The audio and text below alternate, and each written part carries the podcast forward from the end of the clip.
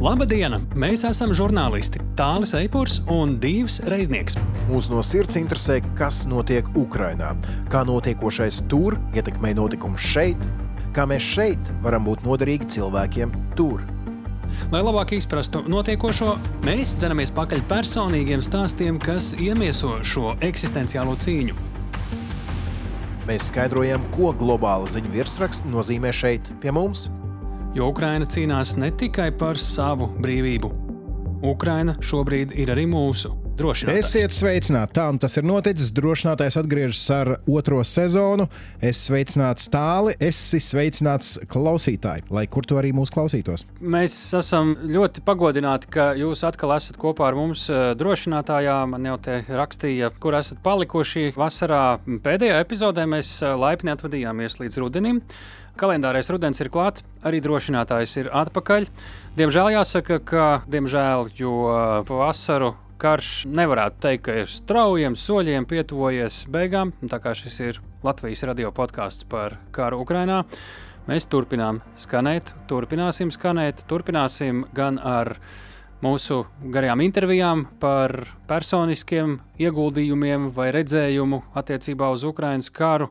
Protams, tur daudz arī dažādas detaļu informācijas un Kā vienmēr, divi mums, protams, būs arī sarunas ar mūsu pašu iecienīto, iepazīto Kristīnu Bērziņu? Bet pirms ejam pie Kristīnas, tālu nedaudz pasaki par mūsu šīs nedēļas viesi, ar kuru tu runāji. Jā, to viesi divu tu pazīsti ļoti labi. Pazīstu, jo gan, es zinu, ka tu esi daudzus gadus strādājis Latvijas televīzijā. Cilvēks, par kuru un ar kuru mēs sarunāsimies, eh, to ir darījis visticamāk vēl vairāk gadus nekā tu. Pilnīgi noteikti. Tas ir cilvēks, kurš Ukrainā ir bijis iespējams visvairāk no visiem mūsu mediju kolēģiem. Ja būtu jādara derībās, tad es tā arī teiktu, ka tas ir viņš.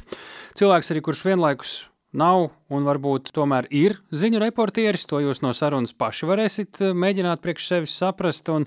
Cilvēks, no kura par to, kā jāstrādā kara apstākļos, var mācīties, mācās un vēl kādu laiku mācīsies visi eh, bijušie, esošie un nākamie ziņu dienestu kolēģi, īpaši jau Latvijas televīzijā.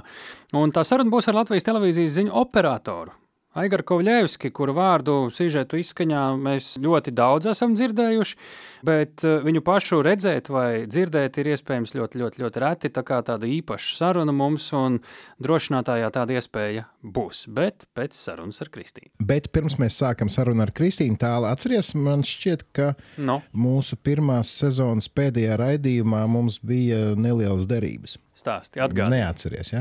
Mēs runājām par to, kas notiksies ar Ukrajinu NATO samitā Viļņā. Uzaicinās, neuzaicinās, dos kādu cerības staru vai nedos. Tu biji lielāks optimists, es biju mazāks optimists. To es atceros. Neatceros, uz ko mēs īsti sadarījām. Bet, nu, diemžēl no NATO samita Ukraina nesagaidīja varbūt to, ko cerēja sagaidīt. Bet kas noticies ir šajā vasarā? Īpašais Kristīnas veltījums visiem, kuri šo vasaru ir pavadījuši ceļojumos, sakņu dārziņos vai mežā. Tātad tuvākajās minūtēs par to, ko tu esi palaidis garām, ja pēdējos divus mēnešus neesi pievērsis uzmanību ziņām. un karam Ukrainā. Labi, klausāmies brīva saruna ar Vācijas Maršala fonda Ziemeļu novirziena vadītāju un drošības politikas pētnieci Kristīnu Bērziņu Vašingtonā. Sveiki, Kristīne! Sveiki, sveiki! Prieks tev atkal dzirdēt pēc uh, vasaras uh, mūsu nelielā pārtraukuma. Mēs esam atguvuši spēkus, kā ir ar tevi. Es saprotu, ka tu daļu vasaras pavadīji Latvijā. Es jā, ļoti labi gan pastrādāju, gan atpūtos Latvijā. Spēki tagad uzkrāti un var strādāt. Klau, nu, pieņemot to, ka septembra sākums ir tas laiks, kad daudzi atgriežas uh, teikt ierastajā darba ritmā, atgriežas no ceļojumiem, no laukiem. Kas par šiem diviem mēnešiem, tavuprāt, ir bijis uh, svarīgākais? Varētu arī to jautājumu atbildēt samērā pesimistiski. Kas nav veicies? Un, ja skatās, kas notika Viļņas samitā, NATO samits, eh, kurš notika Viļņā, tad eh, bija daudzi, kuri cerēja, ka Ukrainai dos ceļu uz NATO dalību visam ātri vai jau varbūt uzreiz, bet tā nenotika. Drīzāk parādīja to, ka Ukrainai būs vieglāks ceļš nekā citām valstīm, lai iekļūtu NATO, bet vēl neuzaicinās Ukrainu piedalīties NATO kā dalību valsts. Tās process tiek atlikts līdz nākamam gadam. vai tad varētu būt ielūgums nākamgad, nākošajā samitā, kurš notiks Vašingtonā, par to būs jādomā visu šo gadu. Un lielā mērā tas arī droši vien būs atkarīgs no tā, kas notiek kaujas laukā, kas notiek uz frontes. Un tur, ja skatās, mēs visu pavasari gaidījām pretuzbrukumu. Pretuzbrukums sākās, bet e, milzīgi panākumi arī nav, diemžēl, bijuši. Krievija ir e, kārtīgi sevi nostiprinājusi Ukrainas teritorijā un tik viegli tikt cauri minētiem laukiem un atgūt teritoriju ar milzīgu blīžu, tā kā tas bija jau iepriekš redzēts, tas īsti nav manīts. Ir ļoti sīvas, grūtas cīņas. Visu laiku Ukraina atgūst nedaudz teritorijas, pie Bakmutas pēdējās dienās, pie Zaparīžas, notiek panākumi, bet tas nav tāds liels spēriens, ar kuru tagad Krievija būtu atsista atpakaļ savā teritorijā, un nav Ukrainai ceļš līdz Azovas jūrai vēl parādījies. Vai tas vēl būs un vai to varēs vēl panākt līdz ziemai, ir milzīgs jautājums, un par to gan ir liela interese, gan arī iespējams vilšanās no donoru valstīm, piemēram, no ASV. Jā, bet te ir jautājums. Um, kāpēc šis uh, pretuzbrukums ir lēnāks uh, nekā kāds domāja? Vai tā ir Ukrainas problēma, vai tā ir to cilvēku problēma, kas sevī vairo šo kaut kādu optimismu, varbūt nepamatotu optimismu. Gal galā, ja tiek salīdzināts, um, piemēram, ar Irākas karu, tad uh, eksperti norādītu, ka amerikāņiem bija um, aviācija kas eh, nav eh, Ukraiņiem, un tā ir ļoti svarīga eh, sastāvdaļa veiksmīgā pretuzbrukumā. Tad Ukrāņi varētu teikt, nu, pagaidiet, paga, iedodiet mums aviāciju, un arī pretuzbrukums būs ātrāks. Atbildes varbūt ir trīs. Pirmā atbilde, ka pārāk optimistiskā pieeja pirms vasaras un varbūt pirms Viļņas samita arī radīja vilšanos. Bija maz ticams, ka Ukraina varētu, piemēram, pievienoties NATO aliansei tieši šajā samitā, vai jau šovasar, par to, ka tas tika runāts, radīja vilšanos, lai gan reāls izredzes varbūt īpaši nebija arī pirms tam. Tā pārlieku lielas cerības varētu arī nākt Ukrainai savā ziņā pa sliktu. Tāpēc tāda pārāk liels optimisms varbūt savā ziņā ir liels risks.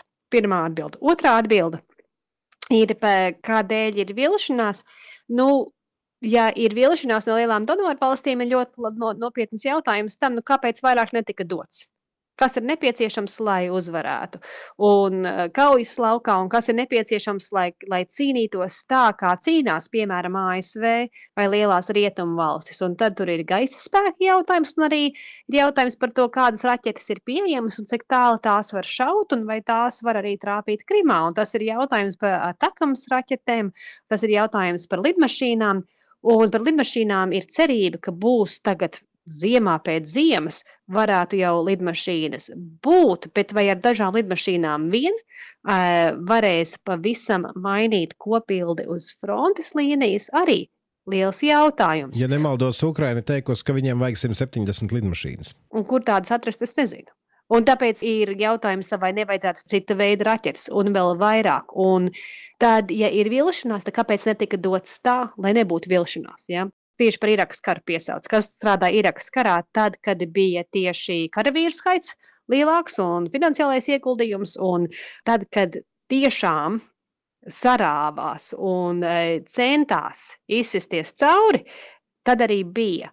Un vai Ukrainai pietiek ar to, kas līdz šim ir saziedots, lai to pašu arī veiktu Ukrainā, grūti pateikt. Vai arī Ukraina var turpināt cīnīties tā, kā cīnās līdz šim, maz drusciņš, maz drusciņš, ciematiņš, pilsētiņš un uz priekšu. Tā arī var. Un, protams, katram ciematiņam tas ir svarīgi. Tas varbūt nav mazs nopelns. Vašingtonā Izskan arī drusku vilšanās par to, ka Ukraina cenšas visā frontes līnijā spiesties uz priekšu, ka nav uzbrukums vienā konkrētā punktā, bet katra pilsētiņa, katra, katrs lauks savā ziņā Ukrainai ir svarīgs. Tāda visas frontes līnijas garumā pieeja varbūt būs lēnāka, bet nu, vilšanās ir, vilšanās ir jūtama. Un jautājums ir, kādas ir vilšanās ilgtermiņa sekas, ja ir runa par tālāko finansiālo un arī militāro atbalstu Ukrainai. Tur būs jāskatās, kā noturēt to atbalstu, ja Ukrainai iet grūti. Protams, ironija ir tāda, ja Ukrainai ietu ļoti, ļoti labi kaujas laukā, vai nebūtu vieglāk vairāk nodrošināt palīdzību un ātrāk. Tāpēc, ka uzvarētājam kādreiz ir lielāks atbalsts tu saki, ir vilšanās Vašingtonā, bet par ko mēs runājam? Mēs runājam par politiķiem vai militāriem cilvēkiem? Par politiķiem. Politiķu vidū, gan, gan kongresā, gan administrācijā e, ir vilšanās par to, ka ļoti daudz pēc Vašingtonas domāšanas ir ziedots, ir iedots, bet panākumi nav tādi, kādus varbūt e, vēlējās redzēt. Un tad kā attaisnot tos miljardu miljardus Ukrainai, ja panākumu nav? Varētu arī teikt, nu, nav arī sliktāk, teritorijas nav zaudētas, varbūt viss vēl būs, noturēties arī ir svarīgi un tam līdzīgi, bet, protams, attaisnot milzīgus laurus kara laukā, ņemot vērā, ka cena par šo palīdzību ir bijusi ļoti nopietna, to ir vieglāk nekā teikt, nu, apsties, Ukraina turās vēl. Tad ir jautājums politiķu vidū, kā to attaisnot balsotājiem, īpaši gadā tagad pirms prezidenta vēlēšanām. O, prezidenta vēlēšanas būs noteikti tāda tēma, pie kuras mēs um, atgriezīsimies vēl un parunāsim par to sīkāk. Bet um, es tomēr paturpināšu to tēmu par to, ko mēs esam palaiduši garām vasaras laikā. Vai vasaras pēdējos divos mēnešos kāda no nozīmīgiem donoriem ir fundamentāli mainījusi savu nostāju attiecībā pret to, kā palīdzēt vai palīdzēt Ukrainai šajā karā? Nē, cik man zināms, neviena valsts nav metusi plinti krūmos un vēlējusies tagad tomēr atbalstīt Krieviju vai kā citādāk samainīt savu politiku, bet parādās jautājumi par to, vai nevajadzētu ātrāk atgriezties pie diplomātiskā galda, un, un vai nevajadzētu tomēr kaut kā piekāpties diplomātiski, vai, vai ir prātīgi tik daudziem cilvēkiem mirt abās pusēs ja nebūs panākumu kaujas laukā Ukrainai, vai ir vērts cīnīties. Principā. Tā nav neviena valsts oficiālā pozīcija, vēl joprojām politiski tas nav populārs ceļš, un tas arī nozīmē, ka vēl joprojām ir atbalsts Ukrainai, bet varbūt ne gluži tik liels, cik tas bija, teiksim, maijā. Kas notiek Krievijas pusē? Vai viņiem ir jauni sabiedrotie, vai viņi kļūst arvien izolētāki? Kas notiek tajā pusē? Krievijai normalizējās attiecības ar jauno draugu grupu. Ar Ziemeļkoreju notiek prezidentu vizīte starp Ziemeļkorejas un Krievijas prezidentiem. Notiek arī e, fórumi. BRICS, piemēram, lai gan e, prezidents Putins nevarēja piedalīties e, BRICS samitā, e, vēl joprojām BRICS pulks draugu grupa paplašinājās. Un e, Krievija pastiprina arī savu sadarbību ar Irānu, attiecības ar Ķīnu arī ir labas. Un e, jautājums ir, vai Krievija pat vēlētos pārāk samainīt savu ceļu, jo tagad e, iepriekš ļoti izolētās valstis labāk tagad sametās kopā un izpalīdz viena otrai vai Krievija jā, ir izolēta no iepriekšējā sabiedrības kaut cik, bet, piemēram, sašķidrinātā dabasgāze, Krievija vēl joprojām pārdod Eiropai dabasgāzi tikai sašķidrinātā formā. Globālos tirgos vēl joprojām ir noiets Krievijas eksportiem. Nav ekonomiski tik labi, cik bija pirms kara, bet pavisam slikti arī varbūt nav.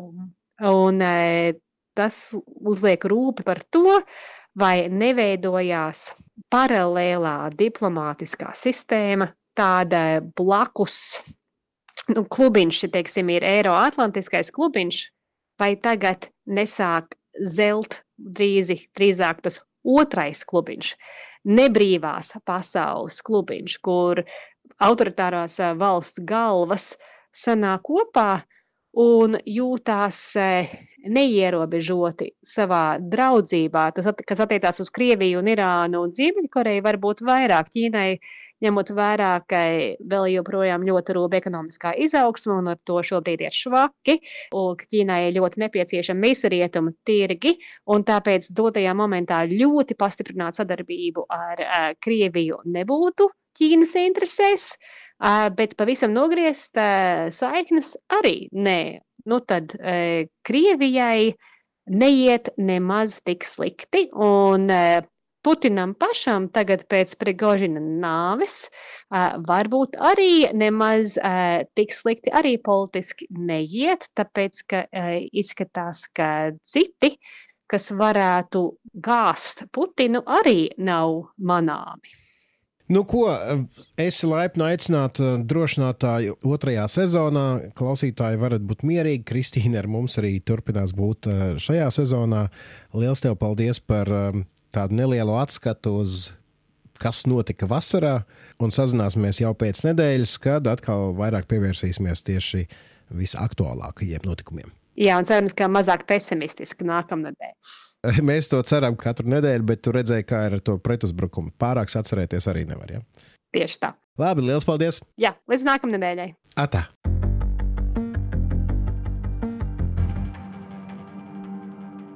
Paldies, Kristīne, paldies, Dīva. Arī man jāsaka tā, ka vasaras laikā nevienmēr sanāca izskrolēt cauri visus ģeopolitikas lielos blogus, sociālos tīklus. Tā kā tādai labākai kopā salikšanai un savilkšanai šī saruna arī man bija ļoti vērtīga. Paldies tev, Dīva, paldies Kristīnai par to. Paldies, protams, Kristīnai. Es teikšu tā, tie, kuri vasaru pavadīja tā, kā mēdz pavadīt cilvēki savus atvaļinājumus, tiešām netik daudz pievēršot uzmanību ziņām. Vienu droši vien gan parasti ik pa laikam mēģināja noskaidrot, kā tad iet Ukraiņiem pretuzbrukumā. Un, ja lasa ļoti virspusēji ziņas, tad tās ziņas tiešām nav iepriecinošas, ko mēs arī ar Kristīnu runājām, vai tā ir Ukraiņu vaina vai nepietiekama apgāde viņu. Tas ir jautājums citai diskusijai, bet šobrīd es gribēju piedāvāt noklausīties pavisam īsu citātu no Ukrainas prezidenta brigādes virsnieka Tarasa ar iesauku Sāra. Pēc kārtējās pretinieku tranšējas ieņemšanas viņš teica lūk šādus vārdus. Jūs nevarat vienkārši sūtīt pretuzbrukumā savus cilvēkus, sakot, dodieties uzbrukumā. Mums ir jāsavāc resursi, aprīkojums, cilvēki ir jāapmāca, jo patiesībā, cik mums ir uzbrukuma brigāžu? Visas pieredzējušās ir tepat apkārt cīņās. Tāpēc ir jārekrutē jauni cilvēki. Tie ir kaut kur jāsagatavo. Tāpēc mēs nepievēršam lielu uzmanību tam, ja kāds bļauj, kur ir jūsu pretuzbrukums. Mēs neklausāmies tajā, jo zinām, ka ofensīva notiek, taču tā ir ļoti sarežģīta.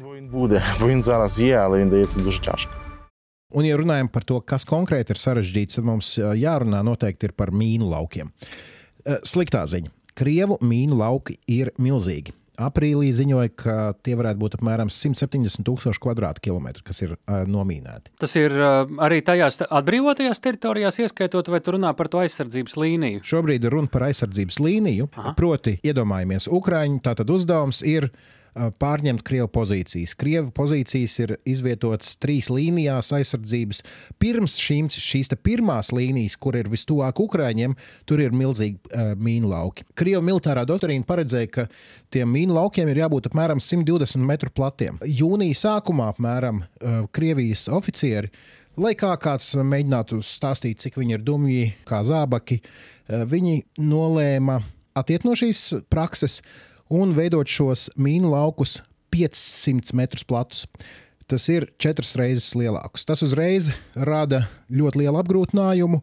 Piemēram, Ukrāņiem ir sagādātas uh, speciālas tehnikas vienības, kas ir paredzētas mīnu lauku neutralizēšanai, bet tās ir paredzētas šiem apmēram 100 metriem, nevis 500 metriem. Otra lieta - mīnu lauki ne tikai paplašināti, bet arī tā mīnu intensitāte pie šīm aizsardzības pozīcijām ir nereāla.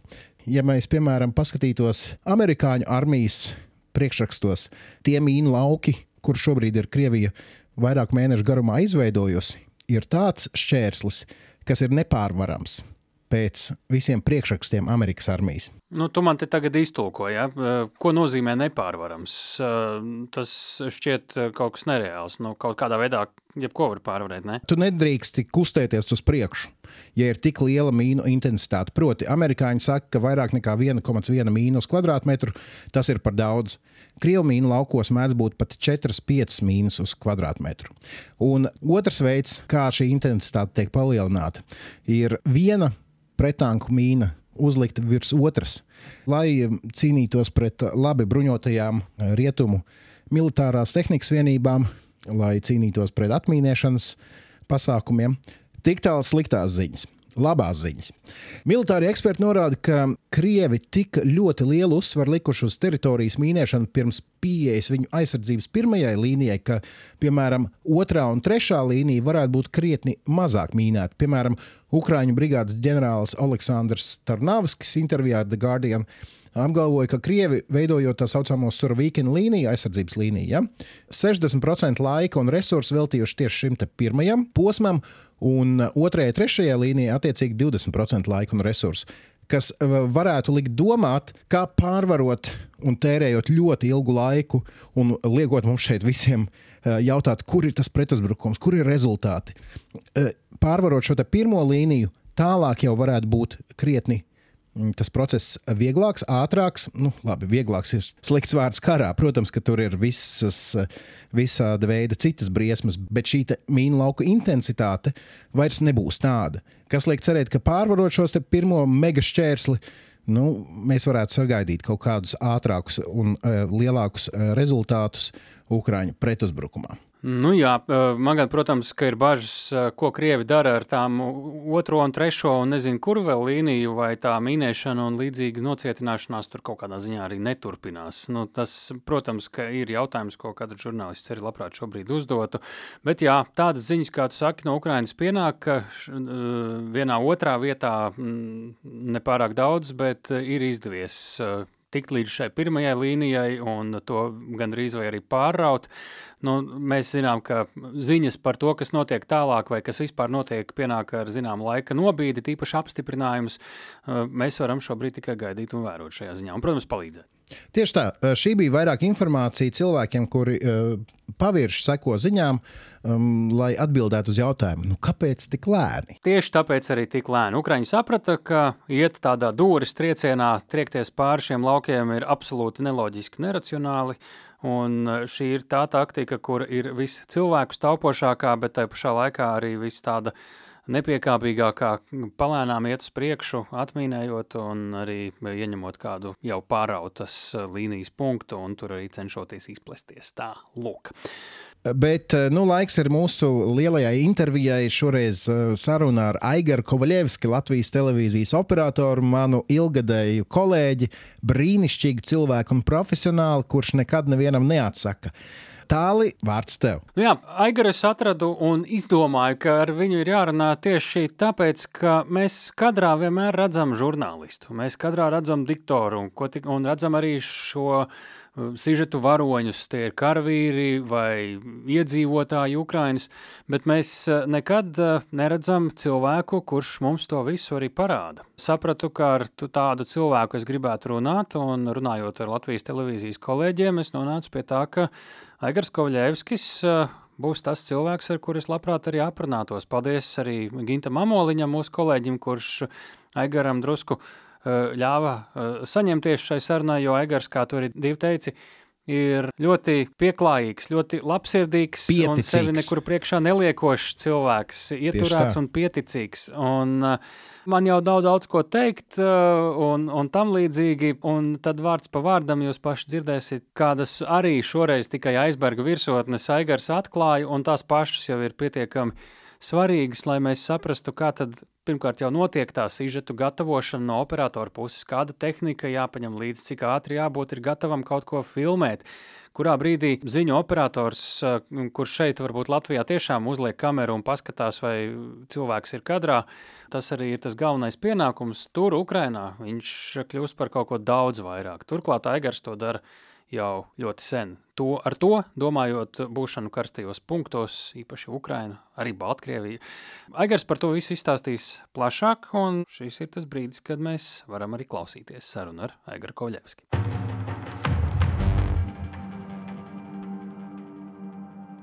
Aigar, labdien! Labdien, tālu! Kā tu pats par sevi teiktu? Kas tu esi, zinot, ka šis podkāsts ir par karu Ukrajinā, varbūt tu vari ienišēt kaut kā sevi? Nu, es teiktu, ka es esmu tīri ziņu cilvēks, un jau gadu desmitiem vienkārši esmu uz to visu laiku strādājis uz ziņām, un tā tas ir sagadījies. Viss tas jau ir asinīs. Es būtu, būtu no sākuma, piemēram, nu, sporta operators vai kultūras operators. Tas droši vien būtu savādāk iznācis. Tā tas ir iekritis vienkārši. Vienkārši iekritis. Kāda līdz šim caurmērā ir bijusi tava pieredze tieši runājot par karstajiem punktiem? Nu, saprotot ar to kara situācijas, nemierus, vietas, kur, diemžēl, cilvēki iet bojā vai var iet bojā. Pieredze bijusi diezgan smaga. Nu Es domāju, tas jau ir gadu desmitiem, jau sākot ar kaut kādiem, nu, kur bija mierīgāk Bosnijā apvienoto spēku sastāvā, kur jau it kā karš bija beidzies, bet tomēr vēl kaut kas notika, šāvieni bija skanēja, tad, tad viss, visi nemieri Baltkrievijā, ir būts, bet ir bijis Maidans, ir bijusi nu, Afganistāna. Jā, bet nu, tur nebija tā nekas pārāk bīstams, lai gan Afganistāna pati par sevi jau bija bīstama tajā laikā. Afganistānā es vienu reizi tikai esmu bijis, jā, bet Balkānos arī vienu reizi. Ukraina visa, visi Maidans bija izgājis cauri. Jā, no 14. gada. Jā, no 14. gada pilnīgi viss bruņu vestēs pa Maidanu. Un, un, un, un. Tas bija ļoti smagi. Gan fiziski ar bruņu vestēm staigāt un filmēt, un arī, arī tas, ko varēja redzēt bija smagi, ka nāca konveijers ar sašautiem cilvēkiem, ar līķi. Varbūt viņi jau bija līķi vai kā. Tur pilnīgi nesa rindās tos cilvēkus. Un tur tu visur esi fiziski kā cilvēks klāt pats savām acīm vai caur objektīvu to visu redzi. Tu zini kādu citu vai citus Latvijas operatorus, televīzijas operatorus, kurš vai kuri ir bijuši vismaz tikpat daudz vai vairāk nekā tu tādos karstajos punktos. Man pirmais, kas nāk prātā, ir tandēms Girts Straustiņš, Sandijs Samjonovs. Viņiem varētu būt diezgan bagāži uzkrāt. Nu, jā, tas bija Girts vienu laiku ar Sandiju, kuri braucoši karstajiem punktiem. Tad tagad Ukrainā ir Sergejs no TV3. Es pat tā vairāk uzreiz nepateikšu. Ingus Graudiņš brauc arī uz Ukrajinu tagad kara laikā. Ar Ingus Graudiņu plašāku sarunu varat uh, noklausīties Latvijas radio monopola raidījumā mūsu arhīvos. Viņi ar Gintu Amoliņu kopā ir braukuši tava komanda mainās visu laiku, vai tev ir savi tādi iespēlētie komandas biedri? Tu domā par Ukrajinu? Pēdējā par Ukrajinu, laikā. jā, nu es ar, ar Amoliņu braucu kopā un ar, ar Inu vēl arī, jā. Vairāk jau tur neviens īpaši nebrauc tagad, vairāk nav bijuši no žurnālistiem neviens. Kā tas tā nāks, ka tev gadās, es tā teiktu, jo man tāda nojauta ir, ka tas nav bijis tavs dzīves plāns eh, nokļūt karstajos punktos, kad tu nonāc tādās vietās. Tu nebaidies vai baidies kaut kā savā veidā, tā ir kaut kāda vilkme uz tādām vietām, vai tā tiešām ir sagadīšanās, lai gan es tam arī varētu neticēt, jo pārāk sen un pārāk daudz. Nezinu, tas vairāk ir nu, žurnālistu piedāvājums, un es neatsaku nekad, ja es varu to izdarīt. Citi atsaka, kur ir tā atšķirība? Nezinu, jāprasa citiem. nu, taču runā ar kolēģiem. Nezinu, tiešām nezinu. Nu. Šis ir tāds delikāts drusciņš jautājums, jo tas ir stāsts par to, kurš nebrauks un kurš brauks tur ar to bruņu vesti, staigāt un ķiveri apkārt. Jā, nu jā bet tā, tā ir daļa no mana darba. Nu, karstie punkti, karš arī ir daļa no mana darba. Kāpēc? Lai es nebrauktu, tas ir mans pienākums braukt. Un, protams, ka bailes ir. Bet bet bailes ir vairāk, gandrīz, nu tagad varbūt mazāk, bet bailes vairāk ir braucot uz turieni. Tad, kad viss notiekās, tad jau tev ir kaut kāds adrenalīns un tu vienkārši strādā un, un viss. Kaut kāds adrenalīns tajā brīdī un bailes. Nu, bailes drusīt, tad ir vairāk vajag domāt ar galvu, ja, ko tu dari, kur tu atrodies, lai kaut kas ar tevīm nenotiek. Un tad arī filmējot, jau tu vairāk domā par kadru un tas viss aiziet kaut kā. Bet braucot uz turieni, gandrīz vairāk bailes nekā strādājot. Un mājās nevar visu stāstīt, kā tur iet. Kā ir ar tevi, kolēģiem, sarunāt uh, ar savējiem? Tā saruna tomēr ir tāda pietiekami nopietna. Savējies dodas uz Ukrajinu. Jā. Tu domā par ģimeni? Nu, protams, ka nevar visu stāstīt, bet man ģimene ļoti mani atbalsta, un bez tās nevarētu braukt uz tādām vietām. Un, protams, ka nevar arī visu stāstīt. Priekš kam viņiem šeit uztraukties par maniem? Viņi visvairāk bija uztraukšies tad, kad sākās karš karš, un, un tajā momentā mēs atrodāmies vistuvāk austrumu robežai. kara sākumā, tad gan viņi uztraucās. Bet arī tagad uztraucās. Vienkārši nevajag visu stāstīt, vajag teikt, ka viss ir kārtībā, vajag uzmanīties. Ir viss kārtībā. Jā, protams. Labi. Tu pieminēji to austrumu robežu, kur jūs bijāt pašā kara sākumā vistuvāk. Sajūtu ziņā, kurš uzreiz gar acīm noskrien tas punkts, kurš, ja to var stāstīt, protams, ir bīstamības ziņā viskarstākais tieši tev pašam, tieši par bīstamību.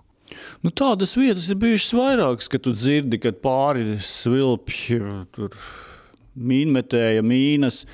Un tas arī pirms kara mēs jau esam braukuši pa Ukrajinu diezgan bieži ar, ar Judīti Čunku. Un, nu, arī pirms tam, 16. gadā, pie ciemata pa pasnē, arī pa mums izšāva ar mīnmetēju. Un labi, ka tā mīna nesprāga. Cik tālu? Mēs nemērījām, mēs vienkārši, Nu, dzir, dzir, ne, mēs vienkārši dzirdējām, ka viņa lido. Un uh, karavīri teica, ka esot iekritusi uh, zālē un nav sprāgusi. Turpat kaut kur netālu. Netālu, jā. Mhm. Bet tagad arī nu, pēdējā komandējumā tu tur filmē un skan šāvieni. Arī ar mīnmetēju var dzirdēt, ka lido kaut kas, bet nu, tu strādā. Tu zini, kas lido pēc skaņas. Es tik labi neorientējos no aptuveni, jā, bet, bet to, to pēc tam karavīri pasaka, ka tas ir bijis tas un tas ir bijis tas. Un, un tie dārdi, kas visu laiku un gaisa trauksmes notiek, tie arī dažreiz tie ir tie, kurus šauj mūsējie, un ir tādi, ko šauj ienaidnieks, kas ir priļot un at- atļot, kas to, to arī drīzāk vietējie zina jau perfekti pēc skaņas. Mēs tik perfekti nezinām to visu. Ir būkšķis, un tad Ir, ir domā, jā. būkšķis, ir citreiz ir bijis tā, ka nu, tu sēdi dzīvoklī no rīta un nogrants sprādziens tā, ka viss, visa māja nodreb, un pēc tam tu uzzini, ka nu, iznīcināta ir kaut kāda blakus māja. Tur. Bet tu pat nepaspēji pārbīties tajā momentā. Nu, labi, ne blakus māja, viena māja bija starpā. Kā tev sākās karš Ukrajinā? Es varētu pieņemt, ka tās varētu būt divas reizes, 14. un 22. gads. Sākums bija Maidans. Nē, nu, sākums, eh, tu domā par karu, vai vispār Ukraina visu laiku ir bijuši braucieni uz Ukrajinu, neatkarīgi no tā, vai tas bija karš, vai pirms kara, vai pēc kara.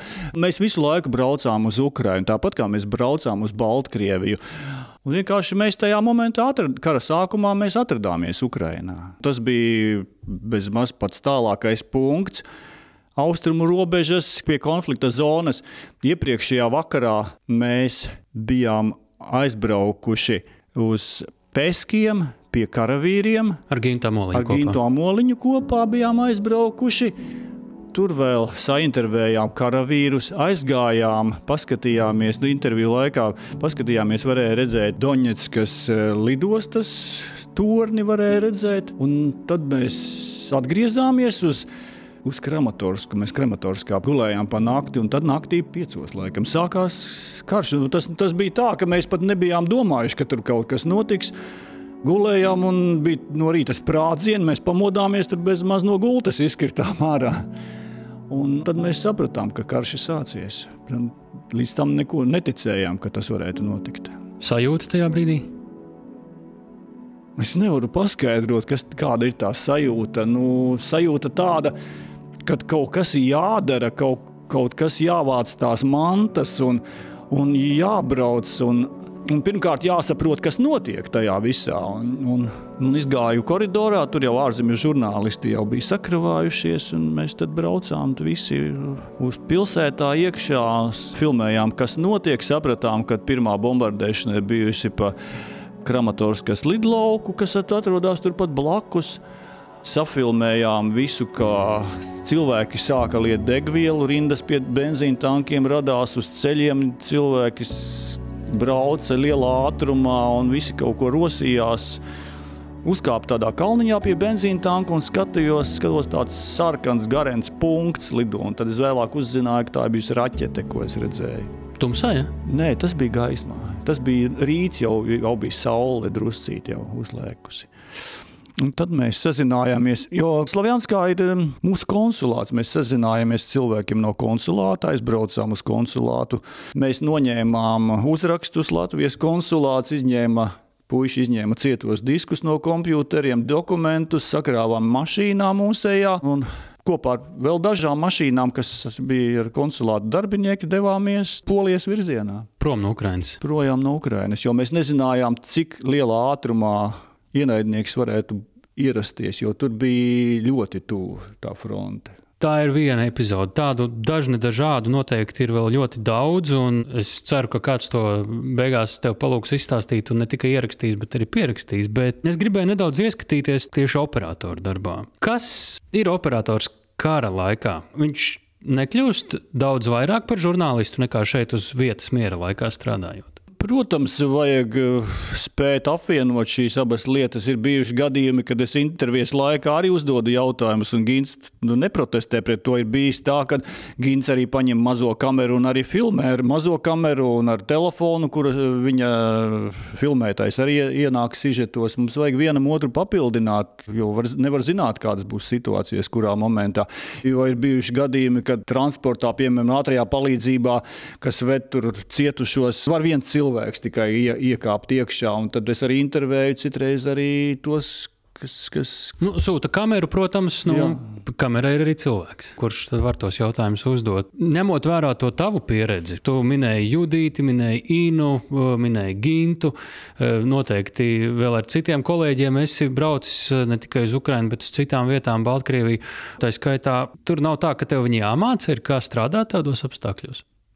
Mēs paši mācāmies, un, un viens, viens otru mācām un papildinām, un visu laiku jāmācās. Un... Pavisam noteikti ir jālasa arī tas notikums. Es ticu, ka tu diezgan rūpīgi arī tajā brīdī, kad tu neesi darbā un nefilmē, sako līdzi tai notikuma attīstībai, jo nesaprotot kontekstu, filmēt, manuprāt, ir diezgan sarežģīti. Tur jāizvēlas. Ir īstie kadri, Varbūt atbraucot no komandām, es kādas pāris dienas tiešām nekam nesekoju līdzi, bet pēc tam pilnīgi automātiski, protams, ka es sekoju tam visam līdzi. Un tiklīdz tiek nosaukta kaut kāda apdzīvota vieta vai, vai kaut kāds notikums, es uzreiz acu priekšā iztēlojos, kā tas izskatās un kur tas ir. Jo daudzas vietas jau ir zināmas un, un tās situācijas ir zināmas. Kas ir tie nu, kā angļuiski saka, tips un triks, vai padomi, vai uh, iemaņas, vai lietas, kas ir specifiskas, ko žurnālists, kurš nav bijis karā, no tevis var iemācīties, vai ko tu viņam saki, vai par ko tu uztraucies, ka viņš nenošauja greizi. Kas ir tās lietas, kas ir karam specifiskās? Pirmkārt, tev jābūt otram cilvēkam, no otram vai, vai divatā braucam, vai dažreiz trijotā arī šoferis, kā nu, pārsvarā divatā braucam. Tev otram cilvēkam ir jābūt tādam, uz kuru tu vari paļauties simtprocentīgi. Jebkurā situācijā, ja kāds notikums, kaut kas tāds, viņam jāzina drošība pirmā palīdzība jāmāk sniegt. Un, ja dodamies tuvāk frontē, jābūt līdz aptieciņai, bruņu vesteņu, ķiverei un viens otru pārbaudam, vai tiešām tas ir līdzi viss. Un, Tas pilnīgi reāli notiek. Tā nav nekāda formalitāte. To jūs darāt ar visu tādu klātesošāko sajūtu. Jā, jo bez tā pat arī tev īsti tur tūmā nelaidīs. Operatoram tas ir, es pieļauju, milzīgs tāds tehniskais eh, arsenāls, bet tajā pašā laikā maksimāli minimāls. Nu, jāizvērtē tas, ko tu ņem līdzi pēc iespējas, lai tev būtu vieglāk strādāt gan fiziski, un jāzina, nedomājot, tev jāzina viss, kas jādara tajā tādās situācijās, lai tu varētu reaģēt. Un Cik tev ir kameras līdzi, lielākas un mazākas? Uh, uh, jūs taču bieži esat arī, mēs zinām, Ukrainā milzīga enerģijas krīze bija, un droši vien daudzās vietās joprojām ar elektrību ir švaki. Nu, ir vismaz trīs kameras līdzi. Lielā kamera, protams, netiek vēsta uz fronti. Tas ir nu, kaut kur tālāk no frontes, ja mēs rakstām kādas intervijas. Tad ir tāda vidēja lieluma kameriņa, kuru var vienā rokā paķert un skriet ar viņu, strādāt tā nedomājot, pārslēgt uz automāta. Un, ja kaut kas notiek, tad, viņa vienkārši raksta visu, kas notiek. Noteikti nedrīkst ārā slēgt kameru. Tādos brīžos tad ir arī GoPro mazā kameriņa, ko es vai nu sev pielieku, vai pieliekam kādam no karavīriem pie ķiveres vai gīns viņu nēsā, un tad vēl telefons paliek, ar kuru var filmēt vienlaicīgi. Un tas viss jābūt, un mikrofoniem jābūt kabatās, un, un powerbankām, un, un baterijām visu laiku jābūt līdz brillēm, protams. Un, Daudz tādu lietiņu, un jāzina, kas atrodas kurā kabatā, lai nedomājot, varētu viņu ātri iz, izvilkt un noreaģēt, ja kaut kas notiekās. Kur no tām kamerām tev ir uh, par rokai, tad, kad tu nezinu, negulēt, pat ja nekas nenotiek, lai, ja diemžēl kaut kas notiek, tad tu viņu dažu sekundžu laikā esi gatavs ieslēgt automātiski. Pilnīgi. Parasti jau, ja es te gulēt un, un staigāju vienkārši tāpatās. Tā ir GoPro kamera mazā, kuru visu laiku jābūt ķērienu attālumā, rokas stiepienu attālumā, ja kaut kas notiek, ja naktī notiek sprādzieni vai nu. Pārējās kameras, nu, paies dažas minūtes, kamēr viņu dabūs saslēgt visu.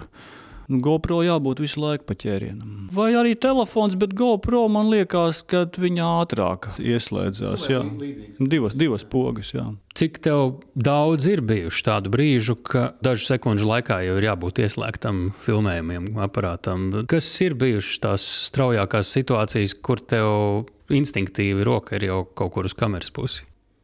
Nu, tās ir bijušas dažas reizes, bet pārsvarā jau mēs zinām, kad, kad būs jāfilmē. Tieši tāpēc, lai nebūtu pārsteigumu, mēs to kameru vienkārši neslēdzam ārā un staigājam ar ieslēgtu kameru, pēc tam viņas samontē visu. Protams, ka tu turi to kameru uh, rokās, bet nu, nav bijis tā pārāk. Kā ir ar to notikumu lasīšanu? Tu esi kaut kur uz vietas, kaut kādā ciematā, piemēram. Kas ir tās lietas, kuras uh, tev noteikti vienmēr pievērš uzmanību, vai kurām tu uh, ar kreiso aci seko līdzi, jo tur visticamāk, vai ļoti iespējams, uh, varētu būt kadrs. Gadu gaitā tie principi jau izstrādājās automātiski, par viņiem nedomājot. Kuri ir tie kadri, kur tu šeit sēdi Latvijā tagad un nožēlo nepagūnu nospiest pogu? Šo noteikti būtu bijis ļoti labi šeit Latvijā redzēt. Nu, droši vien tā bija tajā pašā pirmajā kara dienā tā raķete, ko es nenofilmēju, jo viņa tiešām lidoja tik ātri un tik mazs punktiņš, kur ar to vidējā lieluma kameru, kuru vienkārši nevar nofilmēt pret debesīm. Nu, droši vien arī Maidanā bija daudz tādu lietu, ko varētu nofilmēt uh, vairāk. Un tie drīzāk nav kadri, tie ir tādi, tādas sajūtas, ko tu redzi, kas notiek, bet kurus nevar vizuāli aprakstīt. Tie ir tā drīzāk. Pastāstīs par kādu? Labi, es par citu lietu. Ir ļoti daudz kadru tādu, kuri ir nofilmēti, bet kurus, piemēram, nedrīkst rādīt. Kur redzamas ir lokācijas vietas, kur redzamas tehnikas pārvietošanās vienības, kur redzam ir karavīri, karavīru kaut kādas atpazīšanās zīmes. Vienkārši izskatās, ka ļoti labs kadrs, ļoti skaisti izskatās, bet vienkārši liel, nu, gandrīz lielāko daļu no viņiem nedrīkst rādīt kaut kāds notikums, sprādziens bijis, kaut kas tāds, bet viņš nav rādāms tāpēc, lai ienaidnieks nenoteiktu to vietu, kur viņš ir trāpījis. Kā tu skaties tad eh, to kadru, no kā tu viņu iztīri jau tur uz vietas eh, filmējot, lai nevienam tas eh, nekaitētu, jūs paši kaut ko nelegāli neizdarītu? Kas ir tās sarkanās lampiņas, kuras tur vajag izdzēst tajā kadrā? Es domāju, ka drīzāk filmējot, ir tā, tu apzinājies, apzinājies, ja tagad tu esi nofilmējis kaut ko tādu neatļautu, kā seju, cilvēku seju vai atpazīšanās zīmes. Pirmkārt, domā par to, ka tur varētu uzlikt arī kādu efektu, lai viņu varētu rādīt. Otrkārt, filmējot, domā par to, ka to kadru varbūt varēs rādīt pēc nedēļas, piemēram, vai pēc noteiktām dienām. Jo tie visi kadrējumi, kas ir tiešām tur sprākst un, un, un, un karavīri dodas kaujās, tie visi ir oficiālie kadri, kurus piedāvā Ukraina. Jo tur jau tur tā nedrīkst nemaz iet un filmēt. Respektīvi, mēs eh, īsto karu faktiski neredzam vai redzam ar lielu laika nobīdi. Jā, tā tam jābūt. Būtu. Lielu laiku, nu, skatoties, cik lielu, nu, varbūt tās ir 24 stundas vai kaut kas tamlīdzīgs.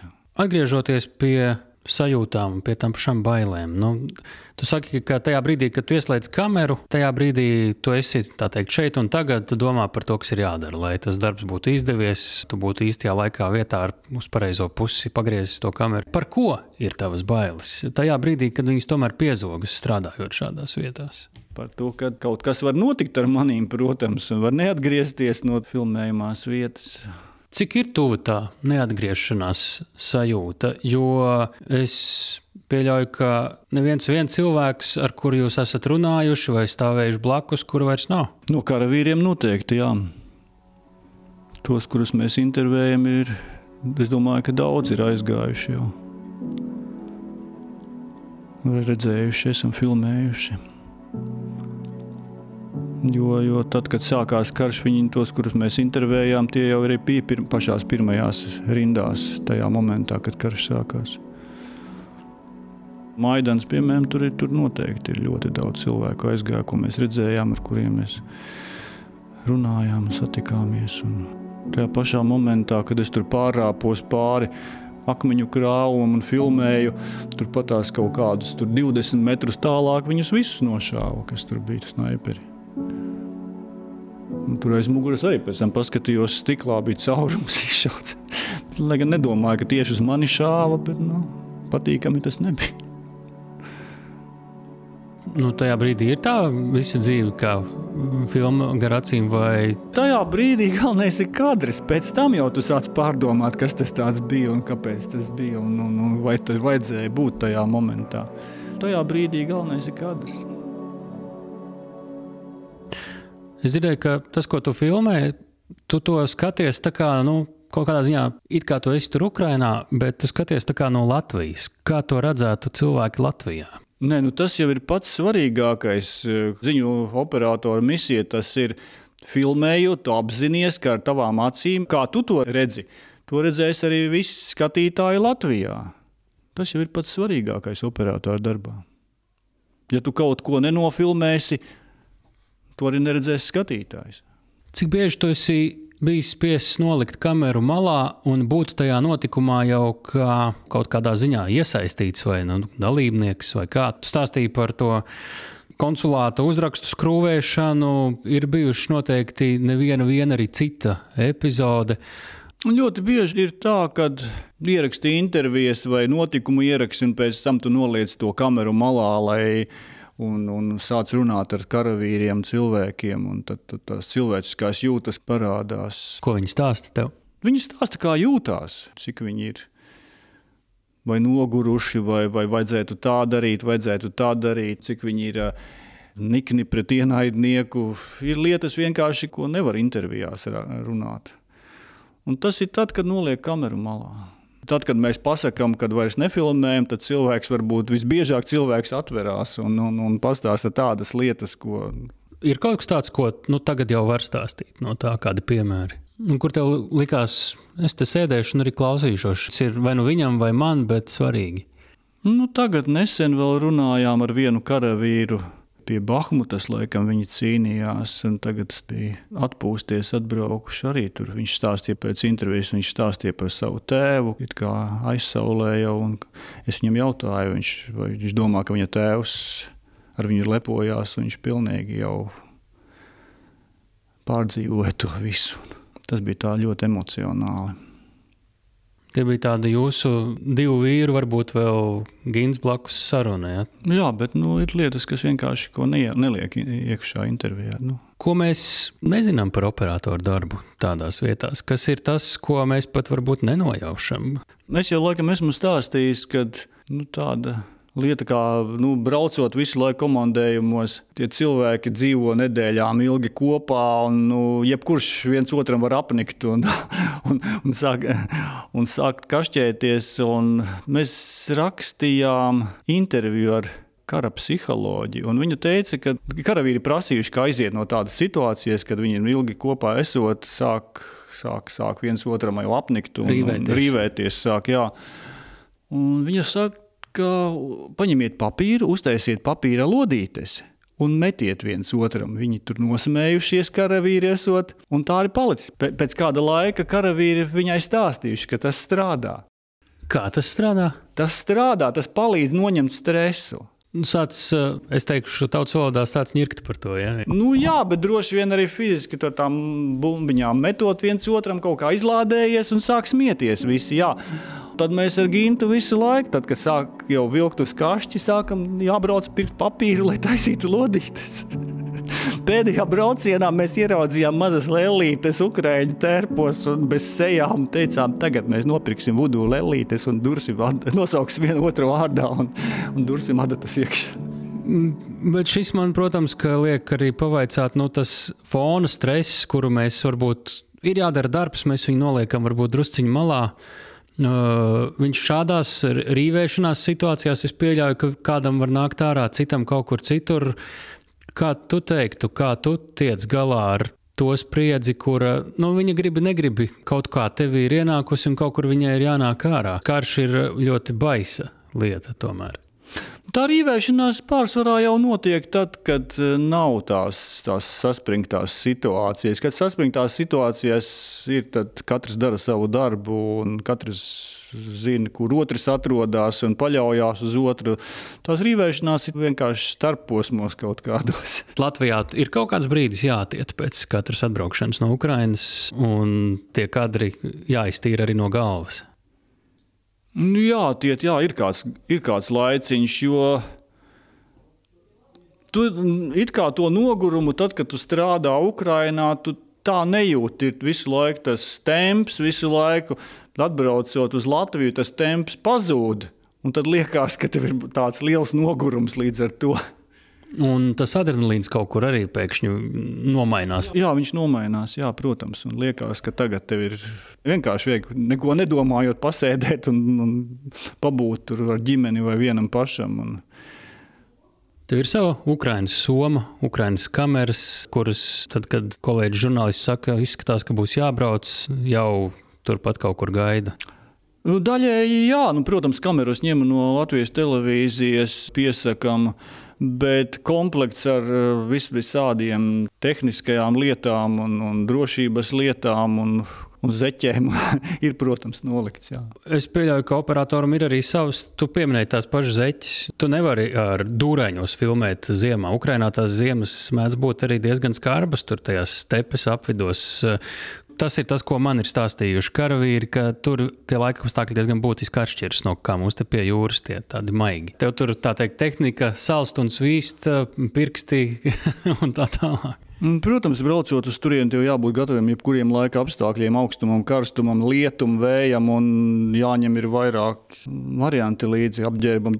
Bet pats svarīgākais ir kurpes. Tev jābūt vairākām kurpēm, vairākiem komplektiem ar kurpēm, dažādiem laika apstākļiem. Jo kājas tur ir pats svarīgākais. Nu, kā jau karavīriem arī tāpatās, man liekas. Kā tu novelc to robežu, ka šeit tev kā operatoram tajā notikumā ir jāpaliek aiz kameras, un šeit uh, tev jau varbūt ir jāliek tā kamera nost un kaut kas jādara. Es nezinu, tā varbūt palīdzēšana bēgļiem. Kā tas strādā tur? Nu, droši vien vispirms filmējam, un tad skatāmies, kas notiek. Un tiešām, ja tur ir apdraudējums dzīvībai, tad kamera jānoliek malā, varbūt pat neizslēdzot. Citreiz tā kamera jānoliek malā, lai viņa strā, darbojās, un tad, tad, tad iet palīgā.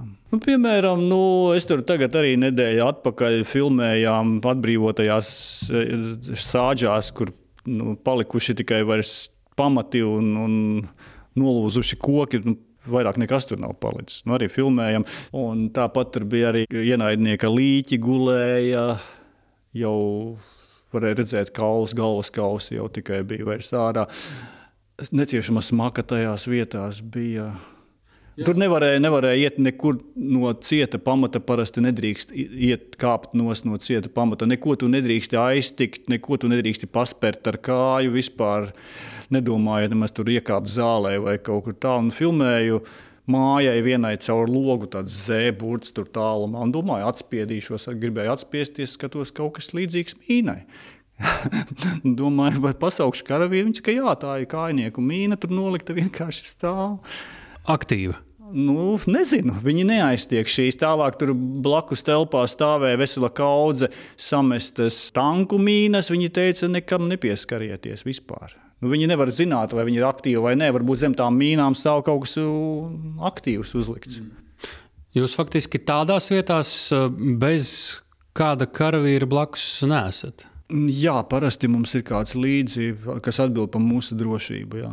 Protams, braucot ar uh, labdarības organizācijām, tur viņi atbild par visu, glābjot cilvēkus. Bet tāpatās arī iebraucot kaut kādās uh, piefrontes zonās, vienmēr ir blokposti, kas kontrolē, vai mēs iebraucam oficiāli, vai mēs drīkstam iebraukt. Un atceros, ka braucot uz Kupens, kur mēs braucām ar Inu Mums, protams, visiem caurlaides ir, un tas karavīrs, kas stāv blokpostā, viņš apskatās to caurlaidi, prasa, no kurienes mēs pasakām no Latvijas televīzijas, un viņš paskatās uz maniem un saka, avam eta nada. Vai jums to vajag? Vai man to vajag? Un es, es visu laiku viņu atceros, acu priekšā šo teikumu, un es paskatos uz viņu. Nu, saka, man tāds darbs, un braucam filmēt. Un pēc tam es piedomāju pie sevis, vai man to vajag. Nu, droši vien, kad vajag. Jā lai latviešu skatītājs varētu ieraudzīt, kas notiek tur. Visdažādākās versijas parādās, kā tas karš varētu attīstīties, ļoti pesimistiskas, optimistiskākas. Bet kāda ir tava sajūta? Runājot tur uz vietas ar tiem cilvēkiem, līdz kuram punktam tas viss, tavuprāt, visticamāk varētu aiziet? Nu, runājot ar tiem cilvēkiem, kas atrodas austrumos, Ukraiņas austrumos. Protams, ka ir sajūta, ka viņi ies līdz galam, līdz pilnīgai Ukraiņas uzvarai, bet ir arī brīžiem jūtams viņos tāds nogurums, kad viņi jau ir karojuši pusotru gadu, bet ticība viņos ir palikusi simtprocentīgi, kad ies līdz galam. Man arī ir tā ticība, ka Ukraiņa ies līdz galam un uzvarēs. Citas iespējas nav.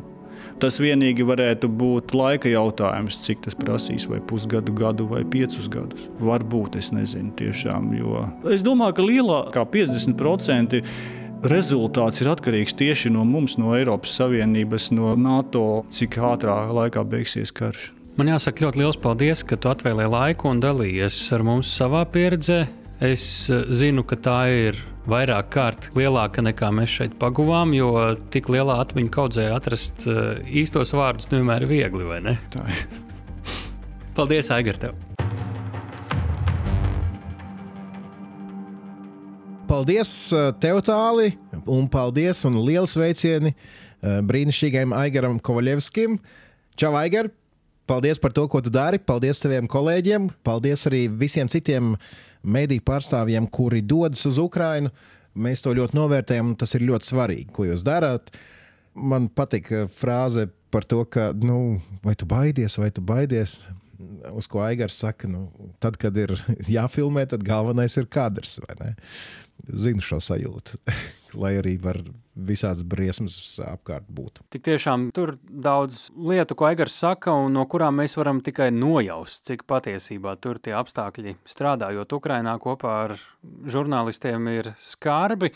Daudz tādu padomu, ko mēs varam izmantot arī šeit, savā dzīvē, un uh, tādu attieksmes jautājumu, ko mēs redzam, ka cilvēks, kurš Ukraiņu ir redzējis vairāk nekā jebkurš no mums, gandrīz saka par nepadošanos, par to, ka tā ir arī mūsu cīņa. Un jūs jau Uzticamākie drošinātāji klausītāji to visu ļoti labi saprotat. Nu jā, katrā ziņā pēc šīs sarunas ar Aigaru eh, iespējams jūs eh, nākamās reportāžas no kara zonām skatīsieties jau pavisam citām acīm un padomāsiet arī par to cilvēku, kurš ir kameras otrā pusē un uh, saprotot, ka viņi dara svarīgu darbu.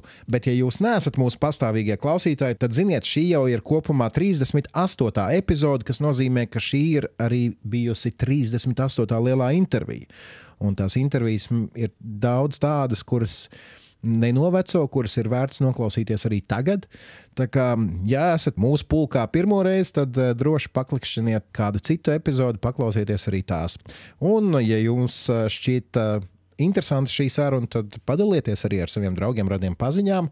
Un eh, jūs varat arī mums eh, atrakstīt, piemēram, gribu dzirdēt sarunu ar to un to. Šajā gadījumā mēs pavisam noteikti aicinām arī jūs piedalīties eh, radiorakstu drošinātājs veidošanā.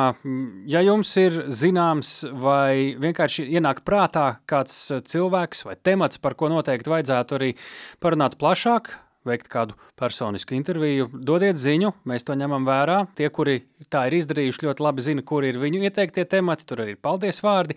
Bet pavisam droši rakstiet uh, drošinātājs at Latvijas radio LV, meklējiet divu reiznieku tālu eipuru uh, Facebookā, Twitterī vai tagad jau vasaras laikā tas ir nomainījies uz X. Šajā sociālajā tīklā rakstiet mums tur. Uh, Pieminiet mūs, dodiet idejas, jo mums visiem kopā tas podkāsts arī ir jāveido un jācīnās savā frontē.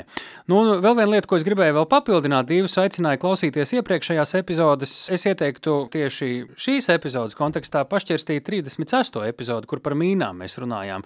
Ja divas pirms intervijas ar Aigaru stāstīja plaši par Krievijas mīnu laukiem, tad tur mums ir intervija ar atmīnēšanas organizācijas Ukrainā vienu no vadītājiem, kurš izstāsta to, kāda tā situācija ir ne tikai uz šīs frontes līnijas, bet arī tur, kur ir izdevies atbrīvot teritorijas no okupantiem. Ko tas nozīmē attiecībā uz atmīnēšanu? Par to arī tur 36. epizodē stāsts. Nu, lūk, tas šajā reizē arī viss. Liels paldies, ka esat kopā ar mums. It sevišķi tie, kuri ir noklausījušies līdz beigām, īpašais sveiciens. Mēs sadzirdamies atkal pēc nedēļas, kad uh, nāksim jau klajā ar jauniem stāstiem. Vai arī jebkurā jums ērtā laikā raidierakstu dažādās platformās vai Latvijas radio mobilajā lietotnē. Un atcerieties, drošinātājs tas ir skaidri un personīgi par karu Ukrajinā.